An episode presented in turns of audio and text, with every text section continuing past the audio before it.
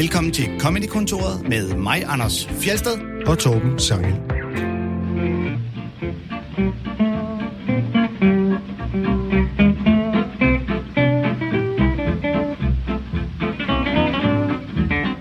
Det er Oscar-uge, og vi fortsætter temaet med Oscar-åbningstaler. Det gør vi sammen med vores gæst, som optrådte på en helt særlig open mic i mandags inde på Comedy Zoo i København.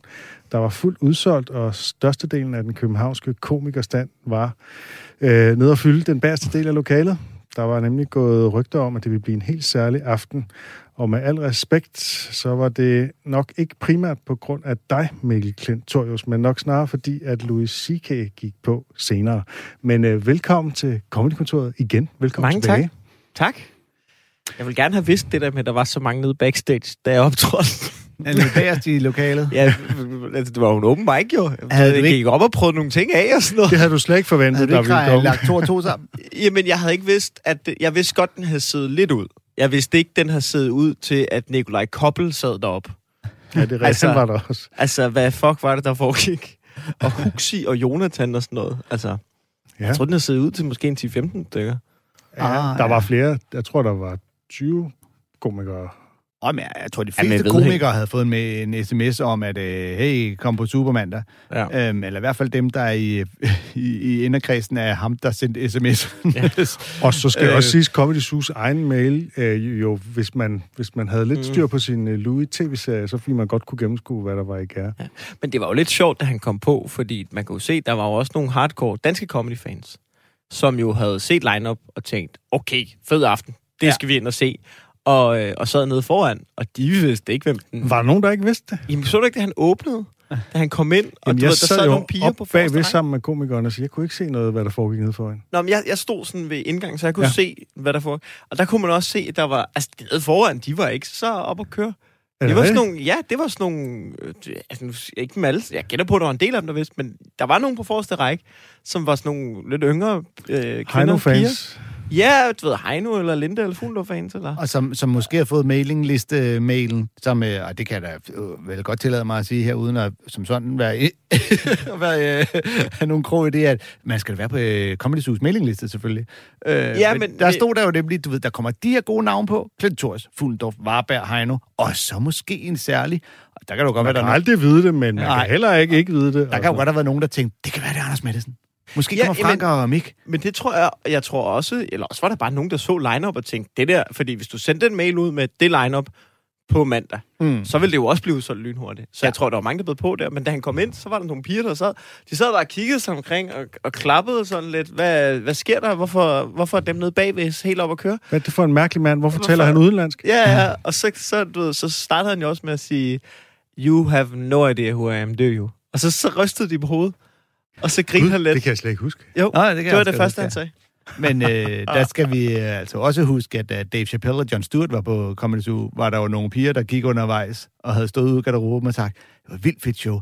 Der var ingen grund til, at de der englænder kom og ødelagde det helt til sidst. Nej, for fanden, altså.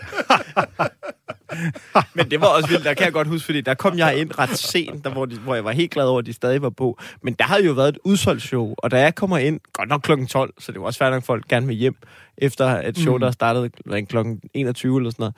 Men, men der var jo kun 40 mennesker tilbage. Ja, Jeg ja, havde men- jo på det tidspunkt side 120 mere, ikke? Ja, der havde Dave Chappelle nok også stået og været kedelig i 25 minutter. Ja, men, men det, det snakkede vi jo med dem om. Det der med, det de gør, det er, når de sætter sig op. De, de skal lige sortere folk fra. Mm. De, de har, og det er så en proces, der tager 25 minutter for dem. Men, men, men prøv lige at, øh, at øh, få os med tilbage. Fordi jeg synes jo, det er lidt sjovt, det der med, du bliver jo ringet op og spurgt, om du vil på den her. Hvordan, hvordan foregik det for dig? Jamen, jeg, jeg er i Rom. Du er i Rom? Jeg er i Rom med min uh, Det ser ud som om, du sidder lige her. Ja, ja, men på der får sms'en. Alle veje fører Øh, alle veje fører til Rom. Og, øh, så jeg er i Rom med min kæreste, så får jeg en sms fra, øh, fra Sjøt øh, lørdag eftermiddag, og vi skal, vi skal ud og spise, øh, altså mig og min kæreste, og, og få os en lille, lille drink. Og så får den sms, sms fra Sjøt, som er sådan, hey, vil du optræde på mandag? Vi laver en pop-up open mic. Og generelt siger jeg jo bare altid ja, hvis jeg kan, til at optræde på SU. Og så læser jeg ned i bunden af sms'en, at øh, vi får en amerikansk komiker forbi, som lige skal du ved, varme op til hans show i Royal Arena på tirsdag, tror jeg. Altså, selvom det er en sms mellem mig og Sødt, så kan han jo bare skrive Louis C.K. for han kommer. Men du ved, det er måske også for at understrege, at det er lidt hemmeligt. Øh, jeg skal lige læse den to gange, for at lige forstå, hvad det er, der foregår, før jeg skriver et rungende... Jeg tror, jeg svarer, jeg tror, jeg svarer ordret, are you fucking kidding me? Og så skriver han, nope. Så skriver jeg, jeg kommer. øhm, så, så det er sådan set det. Og hvordan var det så at optræde, øh, så at sige, sammen med Louis C.K., eller på samme aften som Louis C.K.? Jamen, altså, det går jo op for mig i løbet af dagen, da også da du ved, man får nogle sms'er, sådan, du ved, er det, er det rigtigt? Og du ved, skal, så kan det op for mig lidt løbende, okay, der kommer også mange kollegaer ind. Ikke? Og det er jo altid sådan lidt irriterende.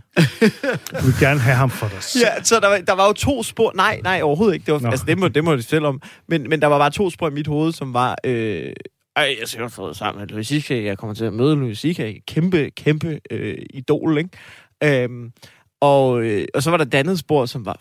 Oh, fuck, jeg skal jo optræde foran alle mine kollegaer. Altså, det gider man jo ikke på den måde. Nej. Så, øh, så jeg tror, i løbet af dagen var jeg sådan lidt mere... Øh, lidt mere, øh, sådan, havde lidt mere mit eget show op i hovedet, indtil, øh, øh, og så kunne jeg forholde mig til Louis C.K. bagefter.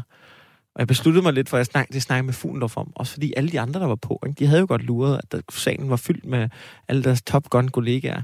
Så jeg gik, altså ikke, du ved, jeg lavede også noget, du ved, jeg synes fungerede, og, og, og, og, men jeg lavede også nogle nye ting, fordi det var open mic. Jeg har sådan en trodsighed, som er, du ved, hallo, jeg, du ved, jeg er da ligeglad, hvem der er. Der er ikke nogen, der skal bestemme, om jeg laver nyt. Hvis det er en open mic, så er det en fucking open mic. Og så hver gang jeg har den holdning, så fortryder jeg det lige bagefter. Jeg finder ud af, at du ved, altså kan man jo bare se alle gå op med deres, og er pisse gode. Øhm, Ej, du var sgu også pissegod. Ja, Øh, tak, skal tak. Ej, jeg synes også, øh, det gik fint, men jeg synes, jeg fjormede rundt, hvis jeg ikke kunne huske det hele. Men øh, det er sådan en snak. Men øh, ja, så du ved... Det, Fordi alle gik også på og sagde, "Jamen, jeg har altså bare tænkt mig at prøve nogle nye jokes Ja, af." fuck, det er fucking typisk kom, undskyld, jeg banner. Det er typisk komiker, det der med, jeg går bare op og prøve, jeg ved ikke, hvad jeg skal lave, og så ser man Fuglendorf gå op og lave sit one-man-show. Men Mikkel, øh, øh, komikere, de forstår jo godt, altså de kan jo godt mærke, at om du prøver nyt materiale, Ja, ja, de har alle sammen gjort det samme jo. Så Ja. derfor så er det vel ikke, altså så er de vel ikke enormt fordømmende, hvis der er et eller andet, du lige kløjs i. Altså tværtimod, de er mere, har du fat i noget, øh, øh, altså Ja, ja, og og det er jo også det. Men jeg tror bare, man stadig er... Øhm, det er jo det der med, når man prøver nyt af, så er det jo meget at, at blotte sig mm. på en eller anden måde. Det var jo heller ikke helt altså, nu liverne, som om jeg stod med noget, jeg skriblede sammen om eftermiddagen. Det er det jo ikke. Det er jo noget nyt, jeg arbejder på. Sådan løbende. Men spekul- spekulerede du i, at nu skal jeg lave nogle jokes, der primært er henvendt til, du ved, back, back of the room øh, jokes? Nej.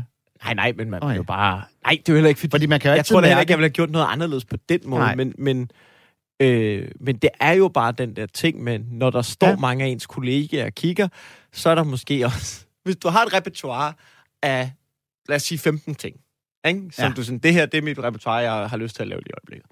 Så kan det jo godt være, at du tænker, øh, den her, den murer slagter foran, øh, du ved, men for en almindelig publikum, der bare lige er ude og få et par fadøl og sådan noget. Og så er der jo også noget, som er lidt mere, som man synes er underfundigt eller Ja. fint eller sådan noget. Og så kan man jo godt bagefter tænke, nej, nu, nu var alle, de, alle dem, jeg ser op til, at dansk, de var nede bagved. Jeg ville da gerne have vist dem den side, mm, frem, ja. for, Ja, ja. øh, frem for øh, En diller joke. hvad diller jokes eller noget med du ved, et eller andet, ikke? Fordi øh, man kan altid fornemme, synes jeg, når der står en komiker, det er særligt noget, jeg kan huske fra de gamle kulcaféen-dage, Ja. at når der er nogen, der primært optræder for de komikere, der står nede bag rum. Ja, de bliver aldrig til noget.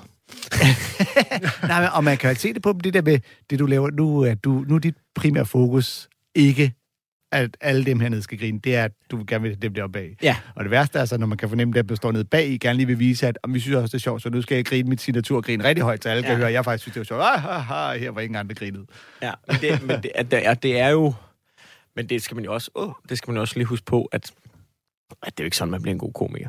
Nej, det, Øhm, Men det var lad os også snak. øh, snakke lidt om Louis C.K.'s Ja, det var optræden, fordi det var jo... Ja, det er så, jamen det, øh, det var jo virkelig øh, interessant at opleve ham i en open mic setting. Altså Ja. dagen efter, så gik det jo altså op for os, at det egentlig bare var første halvdel af hans show, han, øh, han fyrede Ja, af, mere eller lidt. mindre, ikke? Øhm, men, men der var en anden loose øh, stemning over det, ikke? Fordi Jo. det var et lille sted, og han... han det han var havde en også hat om- på. Han havde en hat på. Han gik på scenen med hat. Øh, men det var også som om, at han... Øh, altså, der var nogle små... Øh, hvis man virkelig nørder, ikke, så var der jo nogle små forskelle i formuleringerne fra den ene til den anden. Altså, der var, han, gjorde det, han gjorde det lidt kortere. Det var som om, han prøvede nogle ekstra ting af nede på Comedy Zoo. Mm. som ikke var inde i Royal Arena næste aften. Ja. Øh, plus det der med, at det er bare federe at opleve en komiker i det intime rum. Altså, jeg havde det, jeg havde det faktisk sjovere på Comedy Zoo, end jeg havde på, i Royal Arena, øh, selvom billetprisen var det femdoble. Men det, men det er jo simpelthen, øh, det er jo simpelthen bare fordi, at det er så fedt at være i sådan et, et mindre rum, end i sådan en gigantisk øh, arena, som, hvor der er eko, og man ser halvdelen op på en skærm og sådan noget. Ja, men der er, jo, der er jo helt klart sådan en, når du optræder på Comedy Zoo, så, der jo, så, så bliver publikum, det bliver en masse. Ja. Altså, sådan, det bliver, vi er et hold. Ja.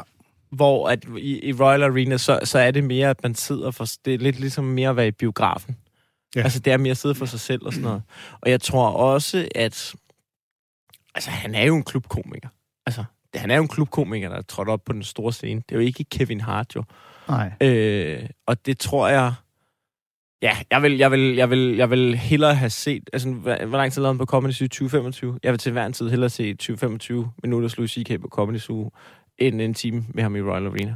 Det er også næsten sådan, jeg har det. Det er nok også bare den eneste gang, vi fik lov til Nu har vi gjort begge Ja. dele.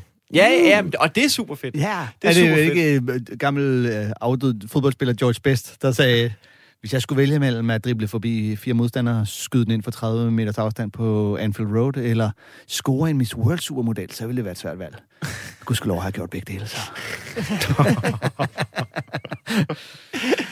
Men det er jo, men det, ja, der, er- der er noget over ja. Det der, og jeg tror også, han, jeg tror også, at man, det kunne man jo se, da han arbejdede med det, da, var, jeg er jo så heldig sammen med de andre, og sidde og snakke med ham om det, og vi sad og snakkede meget om comedy, og, og han kom jo ned i god tid og sådan noget, og så spurgte mm. vi jo også til, hvad, hvad, hvad er processen, altså hvorfor er du her sådan noget. Og jeg, jeg tror helt klart, at hans formål var også ved at tage på Comedy Zoo, det var at arbejde bitsene videre, ikke? Så du så ham jo også bare i en lejende stemning, Ja. øh, som jo virkelig klædte, og jeg tror ikke, det, det er svært, og du kan ikke stå og lege i Royal Arena. Nej, det kan du ikke. Nej. Nej, nej. Du kan det ikke. Du kan ikke få de der underfundige sidebemærkninger med. Så, så det blev jo bare sådan lidt øh, uden krydderi, uden krømmel i Royal Arena. Og det er jo... Øh, det er, hvad man får, når man... Ja. Altså, jeg, jeg synes, jeg synes stand-up i arena er... Jeg, jeg har aldrig siddet så godt til et stand-up show i et stort sted, som jeg gjorde i går. Altså, al- altså da vi, jeg havde fået pladser på række 5 lige foran. Mm. Og det er stadig... Altså, det, det er stadig bare... Ja. Det er, Vi- det er stadig... Det, altså, for at sige det ud, det er jo stadig noget lort. Ja. Synes jeg, han var god, men det er bare lort i arenaer, synes jeg. Altså, det er en dårlig oplevelse. Torben og jeg sad på række 14, 14, ja. Ja, og jeg så og tænkte, det er jo alligevel utroligt, at man kan købe billetterne i, altså tre år før showet. jeg købte min trods alt i 19, og stadigvæk kan man ikke komme tættere på i ja. Række 14. Og man sad jo alligevel hele tiden og tænkte, enten skal jeg se op på den store skærm, eller også så skal jeg sidde og flytte mig lidt, så jeg kan se forbi ham, den øh, kæmpe brød foran mig, så jeg Ja. lige kan skimte ham op på scenen.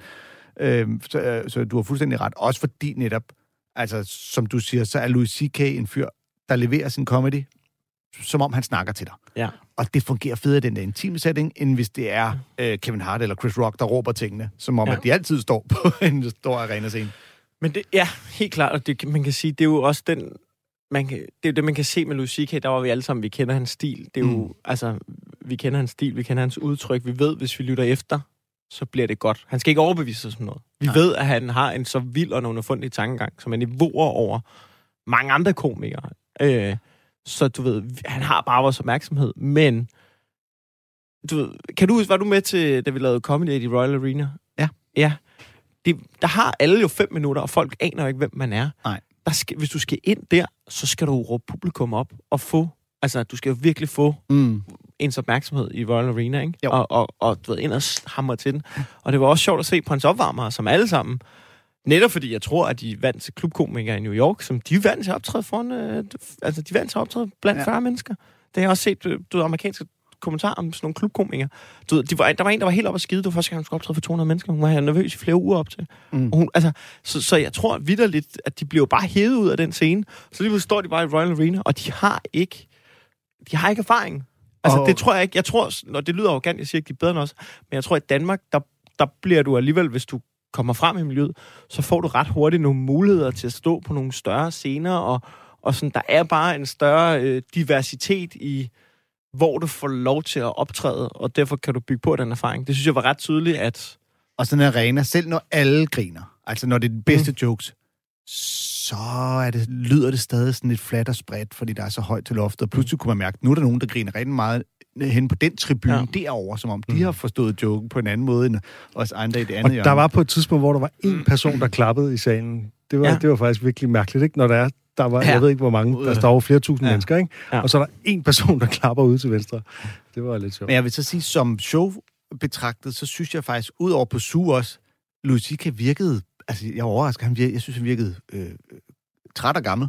Altså, Ja. jeg var overrasket over, at han, han virkede så meget. Han virkede træt, og han talte Ja. ja. ikke så meget på SU, synes jeg faktisk. Ja, Mere, men mere på også- Arena, hvor han også talte om, at han godt kunne trænge til en pause, hvor han lige satte sig ned og fik lidt at drikke, og sådan, at han var... Ja, Jeg men, Jeg tror... øh, Jo, men er det ikke hans... det er jo- jeg tror- del jeg tror- Stil, men Schødt, det, jeg sad sammen med Schødt i går. Jeg t- Schødt havde en, en observation, fordi vi synes også, at tempoet var ret langsomt i det. I, og Schødt sagde noget, som jeg egentlig tænkte, det var egentlig ret godt set. Jeg tror, at han sætter tempoet ned på hans Europatur, så alle kan forstå, hvad han siger. Altså rent sprogligt. Rent sprogligt. Og, det, og, og man kan sige, at i Danmark er vi jo vant til at hø- altså, vi er ret gode til engelsk af Europa, men han har altså også, som siger, han har lige været i Tyskland, han har lige været alle mulige andre steder. Og jeg vil, Spanien, og jeg vil ved med, at de er... Du, ved, du bliver nødt til at sætte tempoet så meget ned, for at de kan følge med. Og det ved jeg, fordi jeg, jeg, jeg begyndte at optræde engelsk her øh, de sidste halvårs tid. Og, og en af de første fejl, jeg begik, det er at tro, at alle er lige så gode til engelsk, som jeg er. Altså, det lyder lidt arrogant, det er ikke fordi jeg... Men, men jeg er ret god til engelsk. Men lige pludselig op, fordi i Danmark, så optræder du ikke for englænder, godt op for mig. Du optræder for øh, udvekslingsstuderende og, og tilflyttere mm. og sådan noget, som, som, hvor Ja. fællesnævnen er engelsk. Og du bliver simpelthen nødt Alle har til... en accent. Ja, ja, og du bliver simpelthen nødt til at sætte tempoet så meget ned og simplificere sproget Ja. ret meget, så alle kan følge med. Og jeg tror, det er den erfaring, han har gjort sig fra hans Europaturné. Og så kommer det til Danmark, hvor vi er bedre, og vi tænker, hvorfor, hvorfor går det så langsomt? jeg, tr- altså, Jeg, jeg tror, hvis du så det der show i USA, så tror jeg, det ville være bedre. jeg tror mere, det, jeg synes mere, det er bare præg af, at han øh, faktisk har solgt det show, han tog på turné med. Så det, han rent faktisk kom til Royal Arena med, var jo ikke et færdigt øh, show. Nej. Det var bare en times materiale, han havde brygget sammen Ja. ja. lidt inden for det seneste stykke tid. Øh, så på den måde, der var, jeg, der var jeg sådan lidt skuffet over, at det fremstod ikke som et show på den måde for mig. Nej. Selvom han havde nogle vildt gode bidder undervejs. Jeg tror, vi skal gå videre. Der er jo øh, Hvad? en del derude, som meget mere ikke har været inde i Royal Arena og set Lucy. Hvis jeg så må sige en sidste, en lille Ja, ja, sidste lige- kommentar lige til nu. det er, jeg savnede, at han lidt, lidt højere grad forholdt sig til, at der var rigtig mange biderne, hvor man hele tiden sad og tænkte, du er jo også ham, der har onaneret foran kvinder. Ja, Altså, det var der- ikke så meget i det her show. At, øh, på ingen måde. Altså, og det har helt sikkert været en bevidst ting at ignorere det, men der var virkelig tit, hvor jeg tænkte, Ja. ja. den her joke ville være sjovere, hvis du ligesom gav udtryk for, at du godt ved, at vi lige nu sidder og tænker på, at Mm. hvis du godt kan lide at lave en pik af lær, så tænker vi alle sammen på, at du også godt kan lide at, at, at have din egen pik i hånden. Ja, det er jeg enig i. Jeg tror, han har behov for ikke at gøre det, fordi han Ja. ligesom, nu synes han, han har Ja, ja, det- gjort det det. kan Det, det kan man altid diskutere. Den diskussion har vi taget i et tidligere program. Uh, nu skal vi tale lidt om dig, Mikkel. Nå, fedt. Ja. Det tror jeg allerede, vi gjorde. Jeg fik ja. I hvert fald drejet den godt ind på det. lige, øh, Jo, og du Ja. har også været inde på, at du har Apropos optrådt på engelsk. vil onanere foran andre. Ja. Øh, det, apropos, du, du fortæller, at du har øh, optrådt på engelsk for nylig. Hvad går det ud på? Øh, det går ikke ud på så meget, ud og det havde været sådan en ting, at det, det vil jeg gerne prøve at blive god til, fordi jeg nogle gange har... Øh, jeg har nogle gange haft nogle muligheder for at optræde på engelsk, og prøvet det sådan lidt sporadisk. Og hver gang har jeg synes, det var skide sjovt og mega udfordrende, og aldrig været god nok. Jeg har døde på min røv på Comedy Store i Los Angeles, i det, der hedder The Original Room, hvor jeg fik lov til at optræde sådan en potluck. Og så der fik jeg blod på tanden for at finde ud af, nu bliver jeg nødt til at gøre det ordentligt. Og så var der et hul her i øh, efteråret, eller i foråret. Og øhm, så skal jeg faktisk også på Fringe Festival til august. Altså, der skal Uh. du optræde? Ja. Med et show? Solo Nej, vi skal lave, øh, vi bliver, det er mit bookingbureau, Allstings Live, som har booket en scene. Mm. Og så sender de tre komikere fra henholdsvis øh, Danmark, Norge og Sverige over. Og jeg er en af de tre. Nå, Åh, oh, dig og Lasse og... Ej, det var en fra Norge og en fra Sverige. Nej, nej, tre fra hver. Tre Nå, Nå, tre fra hver. Så vi skal, Okay, så vi hvem skal er bare de tre lave 8 danskere? minutter, 8 minutter hver. Ja. Okay. Hvem er de tre danskere? Øh, jeg tror, det er mig, Tornhøj og Carsten Bang. Nå, gud, jeg troede, det var Lasse Remmen. Altså, der er tårnhår. Okay. Ja. Og så kan jeg da ikke, du ved, når man lige følger med på Simon Talbots Instagram, så kan man da ikke lade være med at være sådan lidt... Øh, fuck, det kunne jeg også godt tænke mig, det må at være på USA-turné. fandme også være fedt. Hvorfor døde du øh, på Comedy Store, Var det, fordi du var for dårlig til engelsk, eller fordi at de ikke forstod dine jokes om øh, kronprins Frederik? Øh, det var, fordi jeg ikke var... kanalrundfart. Øh, begge, man kan sige lidt en blanding. Øh, jeg var simpelthen ikke velforberedt nok. Det var fordi, at øh, Frederik Rosgaard og jeg, som var afsted, øh, vi, øh, vi bliver... Vi, vi kommer ned på Comedy Store og bliver venner med nogle af de komikere, du ved, der arbejder. Folk, der arbejder på Comedy Store, også komikere. Så jeg ikke, de arbejder de for sen tid. Og så, øh, så er det som om, da vi ligesom, da de, vi ligesom bare fortæller dem, at vi bare for os at stand og vi ikke har nogen planer om at bryde igennem. Så er det som om, så får vi ligesom sådan en, en ind, så vil de gerne have os ind i vejen. Nå, så er I ikke en konkurrent. Ja, ja, eller også er de sådan, du ved, ja, dem kommer der mange af. Dem, der tror, de skal bryde igennem og komme ned på Comedy Store. Og så er det så dem, der arrangerer den, der hedder, det, der hedder potluck, øhm, hvor der står 100 mennesker og smider sit navn i en hat, og så trækker oh, de det loddet ja. citationstegn. Og det er så rigged, at man slet ikke fatter det. Og så, til, så siger de til os, at hvis I kommer forbi og lægger jeres navn i hatten, så er der en vis chance for, at I kommer på. Og vi er ude og lave alt muligt andet i løbet af dagen. Vi sidder bare en time om eftermiddagen. Ja, det kunne da også være meget sjovt og sådan noget. Så står man deroppe på de der tre minutter. Og det er jo kun komikere nærmest, der sidder i det der publikum der, og bare finder ud af, fuck, hvor skulle jeg have forberedt mig ordentligt til det her. så du ved, jeg, jeg, kommer, jeg dør på min røv i tre minutter. Og, og kommer igennem ved at sige ting, som ikke er sjove. Altså, Frederik Rosgaard, han har faktisk et lille grin i starten, så er der en joke, der dør. Så stopper han bare med at tale engelsk.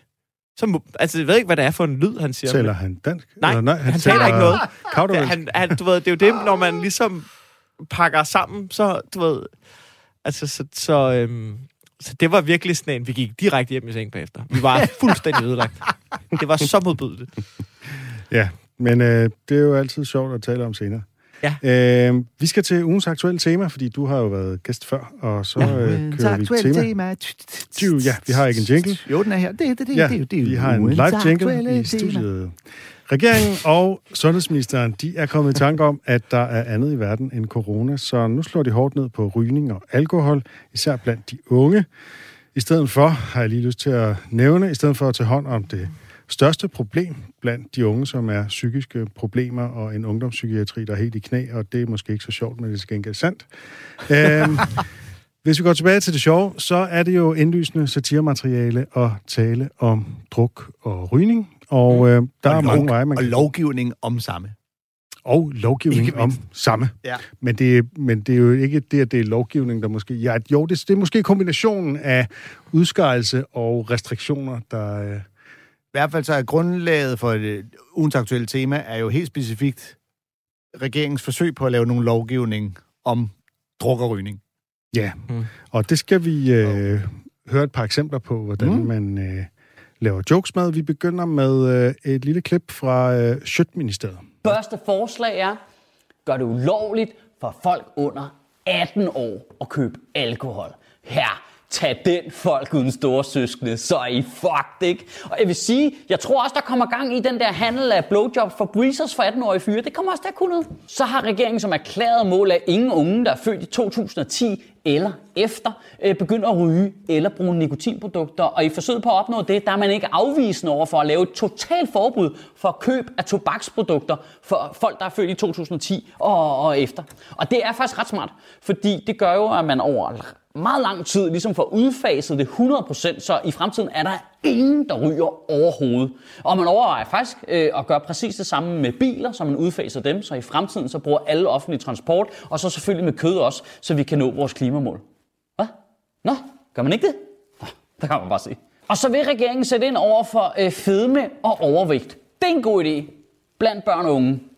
Der tegner sig et vist mønster her. Altså, altså øh, kan vi lige stoppe to sekunder lige? Hvad, hvad, altså, ja, altså, øh, hvis man- med en mente er, at øh, 42 procent af Socialdemokratiets vælgere er pensionister, og resten af dem er rigtig tæt på, så er vi ikke ude i her, regeringen er i gang med at sige, folk skal holde op med at ryge, folk skal holde op med at drikke alkohol, folk skal være sunde, folk skal dyrke noget motion. Men mindre de stemmer på os, så gør de bare, hvad de har lyst til. Ja, det her er jo kun en lille bid af den her 10-minutters rant, som mm. Michael Schødt bevæger sig ud i. Øh, Og hvis man øh, øh, imod forventning ikke ved, hvad Sjøtministeriet er, men stadig lytter til Comedy-kontoret, så er det jo netop Michael Schøtz ugenlige øh, tale, Propaganda. tale på Facebook ja. podcast, øh, hvor, hvor han, han tager et emne, som han mm. ranter over i han laver ugens cirka 10 aktuelle øh, hver uge. Lige præcis. Øh, og øh, det, er jo, det, er jo, det er jo meget sjovt det der med, altså jagttagelsen, at øh, øh, sådan alkoholforbud, det går ud over øh, dem, der ikke har storsøskende, ikke? Altså, fordi så Men det gør det jo allerede sådan- nu, hvor det er under 16. Ja, det kan du selvfølgelig sige. det, det er sådan set rigtigt nok. Ja, det er jo ikke en stor forskel. Nu er det bare øh, 16-årige drenge, der får blowjobs for breezers. Men, øh, men det er jo rigtigt nok. Og det er jo, altså fordi... Øh, hvad skal man sige? Det er jo... Altså, det, det er jo nemt nok at angribe det der med, at hvis, hvis vi laver et forbud under den her, så er der nogen, der vil gøre det alligevel. Men så det kan man jo aldrig forbyde noget som helst på den konto. Altså, der vil jo altid være nogen, der kan snyde med reglen. Øh, Jo, jo. Og der vil jo altid være nogen, der netop køber alkohol, selvom de ikke er gamle nok, og så får det gjort på en eller anden måde. Men altså, det hjælper Og- jo. Og det samme gælder selvfølgelig rygning, ikke? Mm. Øhm, øhm, så er der jo den her med, altså, øh, det der med at, ligesom at sige, jamen, øh, og så vil vi gøre det samme med biler og med kød og for at øh, indfri klimamålene, og når nej, det vil de jo ikke. Altså, det er jo sådan en måde at udstille hyggeleriet på, ikke? Man tager sådan, Mm. øh, på en eller anden måde, det, det nemmeste, og så, så får han jo samtidig lige påpeget, at der er de her øh, øh, grønne øh, mål, som øh, regeringen ikke er så god til at, at gribe ind og gøre noget ved, ikke? Ja, for jeg synes, han får jo altså får meget korrekt pointeret, at ideen jo egentlig er meget god. Altså ideen, der ligger bag at sige, nu stopper vi for tobak, ikke ved at lave en minimumsalder, men ved at sætte den efter fødselsår, så vi udfaser det. Ja, og, det, og Altså- det, er jo, det er jo sådan en måde at skubbe problemet foran sig på, som politikere er vildt gode til, ikke? Jo, men, men, men altså, jeg kan også godt se resonemanget bag. Vi kan ikke bede alle dem, der ryger om nu, om at stoppe med at ryge. Nej. Det vil være for upopulært. Men vi vil gerne have, at folk stopper med at ryge. Så dem, der ikke er begyndt at ryge nu, så må vi bare sikre os, at de ikke starter. Jeg Der er en masse otteårige ryger derude, der er rasende. Ja, og det, det er også sjovt, for det er netop sat den med 10, hvor man tænker, at de 13-årige skal skulle have lov at begynde. Eller de er startet, det er for sent med dem, så det bliver 12-årige. Men øh, så, så den synes jeg jo egentlig er meget fint. Jeg synes så måske bare, at når han så laver overførselen, ja, han laver den jo meget elegant ved, at, altså, som om han spørger en udenfor, men at lave den på privatbilisme og kød, ja, det synes jeg sgu ikke helt, man kan sammenligne. Altså, jeg, jeg Nej, synes ikke, og det tror jeg er, fordi han netop gerne vil have den der lille klimapointe ind, ikke? Jo, nej, fordi jeg siger, jeg, jeg vil ikke mene, at fordi man forby, forbyder cigaret til unge, at så bør vi også forbyde at køre bil. Altså, jeg, jeg, jeg synes, det er en forholdsvis... Altså, inde i, i storbyerne, der er det jo et lige så stort øh, problem for øh, lungesygdomme og sådan noget, at man indånder øh, bilås, ikke? Men man kører bare i bil af nogle andre årsager, end man ryger cigaretter. Altså, det har en helt lidt anden samfundsrelevans, trods alt. Ja, men altså, okay. Ej, okay, jeg vil gerne lige høre dig forsvare. Sidder du på en smøg til leje? Nå, Nå jamen, altså, øh, nå, men man kunne forbyde altså, øh, dieselbiler og, og så videre, og ligesom øh, sætte et, et lidt hårdere gang ja. I omstillingen til elbiler og brintbiler og sådan noget, ikke? Øh, hvis man virkelig ville det, ja. Måske. Men ja, altså, det er jo- skal ikke Men altså, det er jo, det er jo Men- en diskussion, ikke? Det er ikke fordi, jeg nej. men det er bare sådan, det er lidt det samme. Hvis man vil det ene, så kunne man også ville det andet, ikke? Men det er sjovt med det der med... Det er, jo- og det, man kan sige, det er jo også, det er jo også komikernes job, det er at udstille hugleriet og sige, hvorfor fanden har I ikke fat i det her og det her Mm. og det her? Altså, men man kan også sige... Det lyder meget højrødt der. Men jeg hørte Obama i en podcast en gang, hvor han sagde noget, som jeg faktisk ikke altid har tænkt over, men det er sådan nogle gange, når man har sådan en uforstående... Og jeg prøver også at tage det med i min stand-up, men hvor han siger, at politik er... Du kan ikke... Du ved, når du får magten i politik, det er ikke sådan noget med, at du tager en speedbåd og bare du drejer, den til høj, altså, drejer den til højre eller til venstre. Det er ikke sådan, det fungerer. Det er en olietanker, som du har du Ja. ved, et vis antal år til at dreje i en retning. Ja. Og det kan man jo sige, når man... Og det Hvor der så står en masse republikanere Ja, ja. og, skubber imod, så du ikke Det- rigtig kan dreje og det er jo også steder. det med, at, at, at Socialdemokratiet, de, de er jo også... Hvis man skal forsvare dem et eller andet sted, det er ikke noget, jeg tit gør. Men hvis man skal forsvare Socialdemokratiet et eller andet sted, så er det jo også, jamen det her, det er det, der kan lade sig gøre. Mm. Altså, det er det her, vi kan lade, der ja. Kan ske. Det er jo ikke fordi, at der ikke er nogen, der ikke, der ikke prøver det der med at forbyde dieselbiler, eller få betalingsringe, eller nærmest skyde alle, der kører rundt i en fjolstrækker, ikke? Der, der, de nogen, findes der jo derude. ja, det er jeg sikker på, der er. Ved du, men de findes jo derude, men det er jo også, hvad er realistisk, og hvad kan lade sig gøre, ikke? Jo, jo. Og så er det bare det, der er så klamt hver gang med politikere, det er jo, at de kommer op og stiller det op som om, så har vi endelig forbudt alle på 10 år at ryge smøger, og man er sådan lidt, who the fuck cares, altså. Ja, og ligesom at det jo netop er hele den der idé om, at at det er jo det, vi gør som komikere. Vi peger ned på, ah, det jeg har sagt, det er Ja. dumt. Det der kan ikke fungere, det er åndssvagt. Og det kan man netop med, hvis man som politiker skal løse komplekse og svære nuancerede problemer, så vil du altid kunne skyde alt ned. Ja. De, de vil aldrig kunne komme med en løsning, Ja. ja. som vi ikke vil kunne jorde på en eller anden måde. Og det rigtige svar er, hvorfor gør I ikke det? Det er jo fordi, jamen det er fordi, vi lever i et demokrati. Ja. Og der er nogen, der har stemt en masse nye borgerlige mennesker. altså, du ved, det er jo fordi, jeg ikke er diktator, jeg ikke gør det. Hvis jeg var diktator, så ville det verden da også se helt anderledes ud, ikke? Ja. Man mister stemmer ved at forringe nogens øh, livskvalitet. Ja. At der er så nogen, der sætter øh, lighedstegn mellem livskvalitet og cigaretter. Det er sådan en sag. Man mister ikke nogen stemmer ved ikke at gøre noget ved det. Nej. Altså, der er ikke nogen, der siger, så stemmer vi ikke på jer længere, fordi I ikke har forbudt rygning. Men hvis man kigger på specifikt det med rygning, så, så altså, er det blevet pisse dyrt at ryge, er det ikke? Altså, Jamen, det, koster en pakke smøger ikke sådan 50-60 kroner nu? Det er faktisk en perfekt overgang til det næste klip, var så let. som er fra, som er fra tæt på sandheden. Det er tv-satireprogram med Jonathan Spang som vært, og de tager lidt fat i det her med, øh, som du var inde på, med, øh, med priserne. Hvordan forbedrer man så folkesundheden, uden at miste en eneste socialdemokratisk stemme fra chakket nede på Café Grusgraven? Under valgkampen kom de jo med det utopiske forslag, forskellige cigaretpriser efter alder. Er det synoptik, eller det regeringsbærende parti, tænker du måske? Jamen, det er så skørt, at det kan man ligesom kun sige som valgflæsk. Og så lufter regeringen et totalt forbud mod at købe tobak og andre nikotinprodukter for alle, der er født efter 2010. Genialt. Ved I, hvem der nemlig slet ikke kan stemme rødt? Børn. Så kan kernevælgerne pulse løs, mens de yngste skuldre må bære folkesundheden, klimakrisen og spørgsmålet om, hvem der lagde en lort på Mulvarpens hoved. Og hvis man synes, at forslaget lyder fjollet nu, så bare vent og se, hvor fjollet det kommer til at fungere i fremtiden.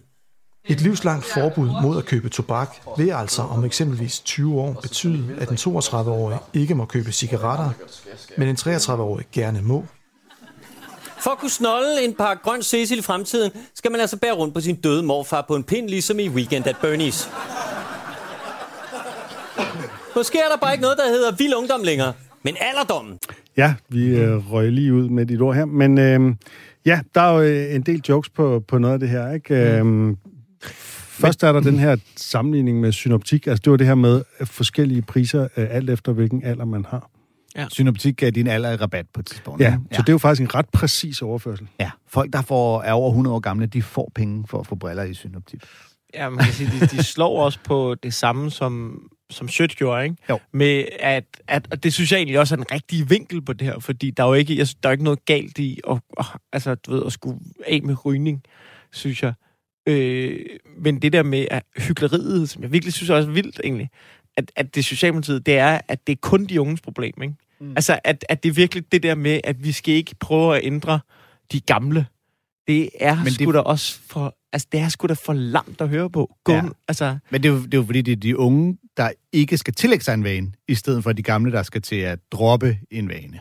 Øh, Og altså, så, det er jo, så det er jo meget præcis det der med, at når du er 32, så må du Ja, ikke ryge, men en på åndssvagt. 33 må godt ryge. Altså, det, er jo, det, er jo, det er jo nogle helt absurde konsekvenser. Der kommer en sketch efter det her. Det er jo, de har jo langt længere øh, Ja. øh, øh, take på det her. Men der kommer sådan en sketch, hvor det så er forskellige generationer, der samles til en familiemiddag, og nogen må spise kager, nogen må spise boller, nogen må drikke kaffe mm. og sådan noget. Ikke? Alt efter, hvor gamle de er. Som ligesom er den der med, at du tager, du tager et princip, og så kører du det ud på alle mulige andre, ja. Og ser, hvad der så sker. Ikke? men også bare det, at præsentere, at forskellige priser alt efter alder er fuldstændig utopisk valgflæsk. Altså som om, at det vil jo aldrig kunne fungere i virkeligheden. I en virkelighed, hvor vi jo har været pensionistrabatter alle steder, og børn spiser til halv pris og kører billigere med toget, og studierabatter og en herreklip koster ikke det samme som dameklip. Må ikke vi kunne finde ud af det med cigaretter, hvis det, også, hvis det skulle være. jo, jo. Men igen, det vil, at, at, differentiere cigaretpriserne efter alder vil jo også kun være for ikke at gøre nogen, at der er nogen, der ikke skulle blive men, sur. men, men det er det, der er så tydeligt, det er, at, at, at de, de ved nemlig godt, som man selv siger, at, at, at det handler kun om, at Mm. øh, vi skal stadig have folk til at stemme. Vi skal stadig have... Ja. Vores kernegruppe, det er mellem 40, øh, mellem 40 og 70, og de ryger alle sammen små. Der er mange af dem, Ja. der ryger smøger. Dem kan vi ikke pisse af. Så ligesom med alt muligt andet, så udskyder vi problemet til ungdommen, ikke? Vi har en klar videnskabelig viden omkring, at øh, hvis der er for mange, der ryger, så dør vi. Det er en belastning for samfundet, det er skidt. Øh, det vil vi gerne stoppe. Det mister vi stemmer på. Så dem, der slår os op på, vi vil ikke stoppe det, vi vil bare lade jer dø. Så vinder de stemmer, og det er en dårlig idé jo. Hvordan løser vi det? Kæft, der burde være et ungdomsparti i Danmark. Altså ikke sådan, jeg ved godt, man har Jeg tror, ungdomspartier. man har forsøgt nogle gange, men øh, de har jo ikke stemmer. Ja, ja. Men, ja, men det, men du ved, det er ikke, at jeg kommer til at lave det, men det, nu siger jeg det bare til er lytterne blevet derude. for gammel. Ja, jeg er blevet for gammel også. Men der, er- der er virkelig ikke mange derude, der taler de unge sag på samme måde. Altså, der er jo kun de der hippier, som sejler rundt i det hele jo, altså. Jeg vil så jo lige sige til øh, tæt på sandhedens øh, listejoke, de laver jo også en listejoke. Ja, som er det her med, at de yngste må bære ansvaret for folkesundheden og klimakrisen, og hvem der lagde en lort på muldvarpens hoved, Ja. Med reference til en tysk bestseller, som jeg har i to eksemplarer derhjemme. Øj, på mm. tysk, ja. Nej, nej. Jeg, På øh, dansk. fordi det er jo nemlig det der med listen, ikke? Det er folkesundheden, det er klimakrisen, og så joken til sidst, og hvem der må lade en lort på muldvarmens hoved. De kan jo så sætte det også op grafisk. Men jeg hørte, jeg var sådan lidt, øh, det er et dumt eksempel, fordi det er jo ikke de unge, der skal bære øh, det spørgsmål på deres skulder, for det svar får man jo i bogen. Det er jo øh, slagterhunden, på Hans, side. slagterhunden Hans Henrik, den skider ikke. Og muldvarpen får sin hævn. Og, og ja, og grundlæggende så er det jo også Spoiler alert, spoiler alert. så snart du har set forsiden på den bog, kan du se, at det der, det er en hundlort. Jeg kan slet ikke forstå, at den muldvarp overhovedet har behov for at spørge en mus og en kanin og en hest. Alle kan se, det der, det er fucking hundlort, mand. Hvor blind er du lige? Anders, det er jo fordi, vi skal lære børn, at lort ser forskelligt ud fra forskellige dyr. Jo, men stadigvæk, hvis du har set en hundlort, og så tænker, det kan være, at den kommer ud af en mus, så skal dit barn altså lige... Kommer jeg til noget. Jeg har slet ikke set den. Jeg kender godt referencen, men jeg har simpelthen ikke læst den historie. Jeg ved slet Læs ikke, hvad den handler Den er om. god, du må gerne låne mig. Jeg har to eksemplarer. Ja, det er rigtigt. Du har en, du jo... Øh, Jeg har en stor og en lille øh, af en eller anden grund. okay. Jeg kan ikke helt huske, øh, hvorfor. øhm, vi har også en lille, som det sidste har vi bare en lille ting, jeg vil læse op fra politikens listen, som jo bliver lavet af Lars Dallager. Det er den her ugenlige liste om Elsker ting, listen. ting, han synes er fede, og Ja. ja. ting, han synes, der er nede. Den er pissegod. Yes. Og øh, den nye, øh, den her 10-4-anbefaling om, hvor meget vi må drikke, eller bør drikke, altså højst 10 genstande om ugen og fire på samme dag og sådan noget, det er så en af de fede. Men det er mest fordi, at den bliver twistet lidt inde på, øh, på politikken åbenbart. Han skriver, på redaktionen blev det fredag aften omfortolket til minimum 10 drinks med minimum 4 cl spiritus. Som bartender MT sagde det, man skal huske på, at alkohol jo også er en smagsgiver. Det havde I ikke tænkt på, sundhedsstyrelsestyper. Og det er typisk ham der at sige sådan noget med typer. Ja. Kalde folk for typer, er sundhedsstyrelsestyper. Ja. Øh, men det er jo rigtigt nok, at alkohol også er en smagsgiver. Mm. Og altså, drinks uden alkohol, det er bare ikke det samme. Nej. Men jeg vil så også sige, alkohol som smagsgiver er ikke en bekymring i de unges hoveder. Ej, det er det sgu ikke. Har du set, hvad de drikker? Det er rigtigt nok. Altså, Men nu var det her, det var så ikke de unge. Det var jo, det var jo anbefaling til os alle ja, sammen. så må vi skulle lave den aldersdifferentiering på det område. Jamen altså, det kan man hurtigt konstatere på, at de køber Captain Morgan. Det er eddermame det klammeste sprøjt, der findes. Breezers er jo skabt med det formål, at du skal helst ikke kunne smage, der er alkohol i. Det er rigtigt, man prøver at kamuflere det. Ja. Øh, lad os gå til vores tema med Oscar åbningstaler, fordi Ja, øh, tema, tema. Du, du, du, du, du, det er godt, du laver jinglerne. Ja, jeg ved det godt. Natten til mandag, dansk tid, der bliver årets Oscar uddelt, øh, og det er derfor, vi har den her lille temaserie om Oscar-åbningstaler. Det er jo traditionelt komikere, der tager sig af dem. Og øh, i år kan vi jo lige nævne, at der også er kommet øh, værter på. Det har der ellers ikke været i nogle år. Øh, der er hele tre værter, hvor mm. de to er stand-up-komikere, nemlig Wanda Sykes og Amy Schumer, og så også skuespilleren Regina Hall. Øhm, vi går sådan nogenlunde kronologisk frem i de øh, klip, vi har fundet, og øh, der er vi så nu, nået til Steve Martin i 2001. And it's so strange when you first start to get recognized, like in the supermarket. Are you Steve Martin? Or at the airport? Are you Steve Martin? Or making love? Are you Steve Martin? but people say to me, Steve, you're a Hollywood actor. You must be so separated from the world. How do you keep in touch with ordinary life? Well, it is possible and it can be done. Like the other day, I was having dinner at my house with Mel, Julia, Tom, and Gwyneth. Now, earlier, Mel had called and wanted to bring a friend, you know, some guy who helps children. and I said, Mel, let's just keep it names above the title. And he understood and he was fine with that. And then Tom said, you know, you just can't get decent sunglasses anymore. And Julia said, Well, there's a great sunglasses shop in Beverly Hills. So I said to Tom, You know, the next time you have your driver drop your kids off at school, why don't you have them pick you up a pair of sunglasses? And Tom said, Well, I drop my kids off at school. And I said, What? and then Tom said to Gwyneth that he loved Shakespeare in Love. And then Gwyneth said to Tom that she loved Castaway. And then Julia said to Mel that she loved What Women Want. And Mel said to Julia that he loved Aaron Brockovich. And then it was late and they all went home.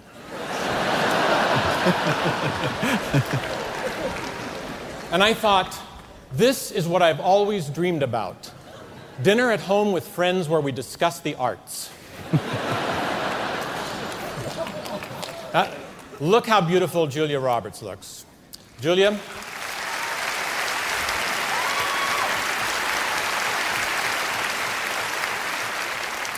Julia, I miss our phone calls. But it seems like ever since you got caller ID, you're never home. Designers now rush to provide clothes and jewels for people attending the Oscars. This tuxedo uh, was given to me by a famous designer, provided I mentioned their name on the show. And then the producer said, You can't do that. This is not the White House. You're going to have to.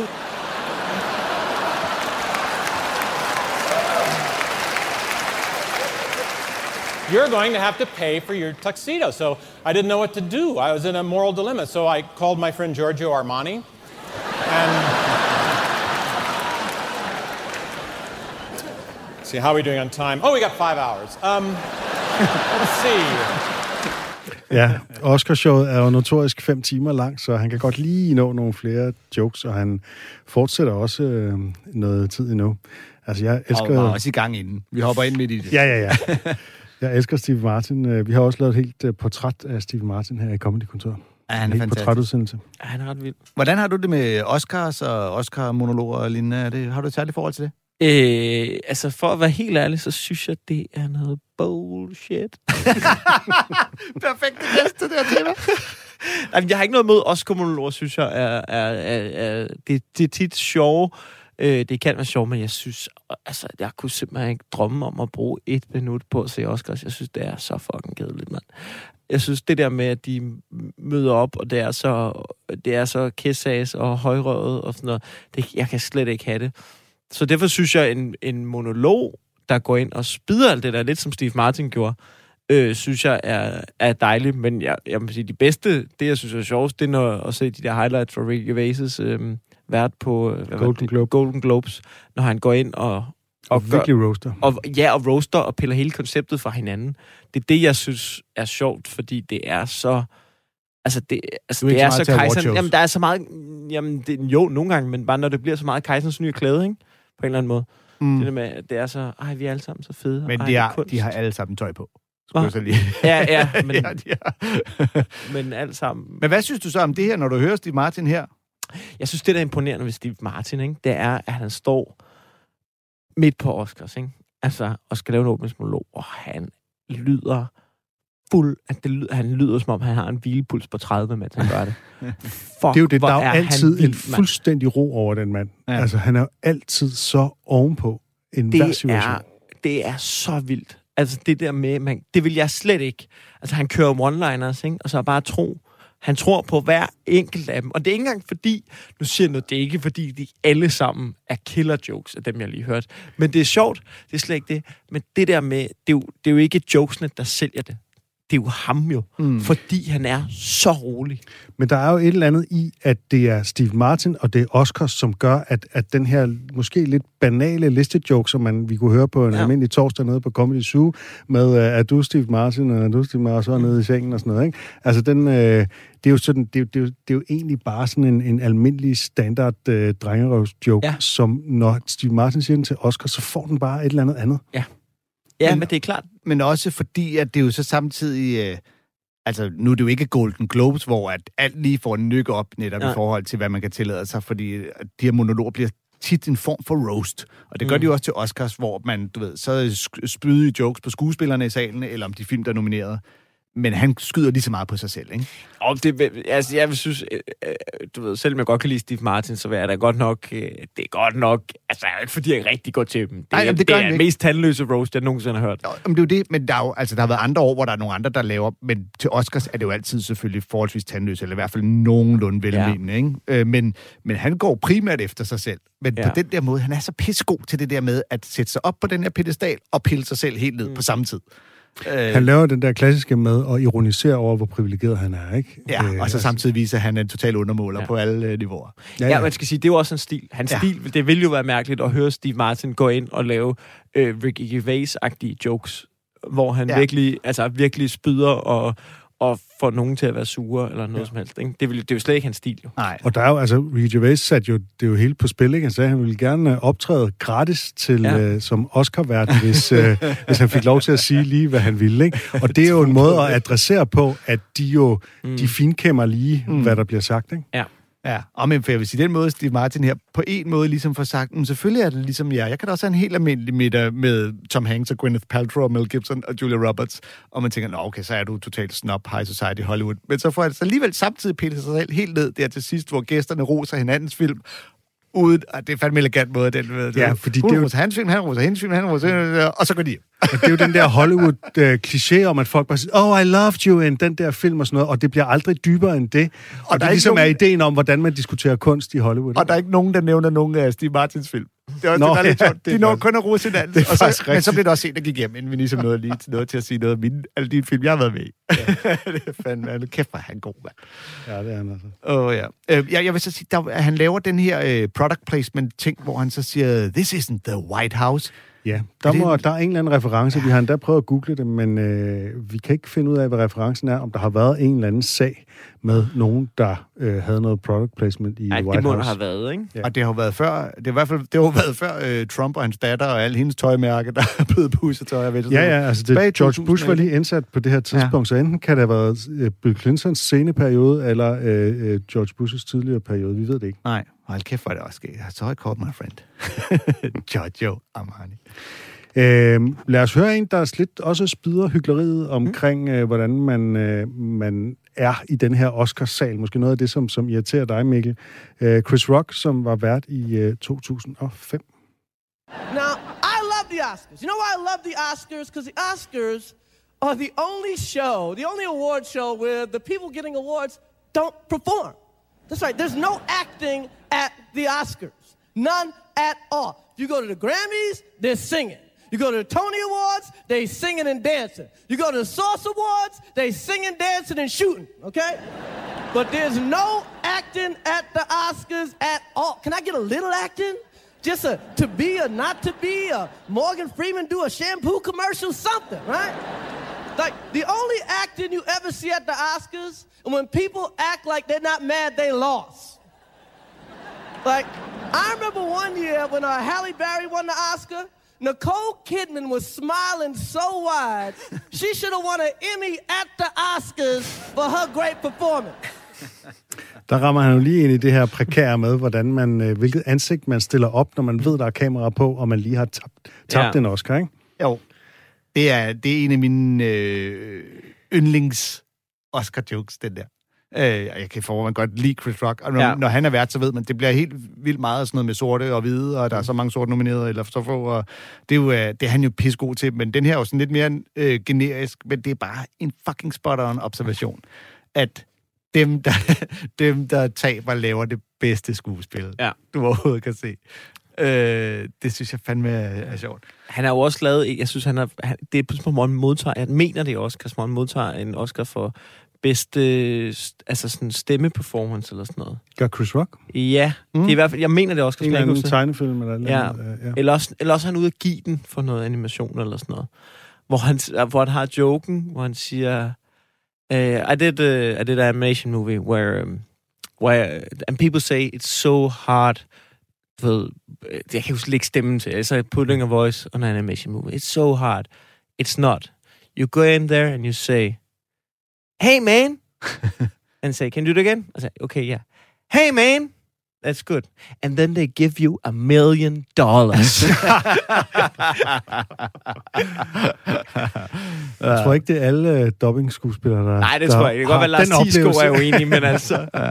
Men det er jo også fedt, fordi han ligesom har to øh, kerneobservationer. Et, at det er et awardshow, hvor at man ikke får lov at se eksempler på det, som de nominerede er gode til. Ikke? Og han rammer jo lige op, hvordan de til Grammy, der er det er en musikpris, der synger de, og til Tony, øh, det er en teaterpris, der synger og danser de, og så til The Source Awards, er det her hip-hop-magasin, øh, der skyder de, skyder de også. Men, og det er netop derfor, det er derfor, jeg synes, Oscars er så uinteressant. Mm. Fordi der er, og jeg mener med, at det er kejserens nye klæder, ikke? Fordi der er stort set ikke andet end, altså, du ved, glimmer og kys og kram, mm. og pæne kjoler, og folk, der græder, når de modtager en award, ikke? Altså, det er det er virkelig en branche, der har hovedet så langt op i røven på den selv, ikke?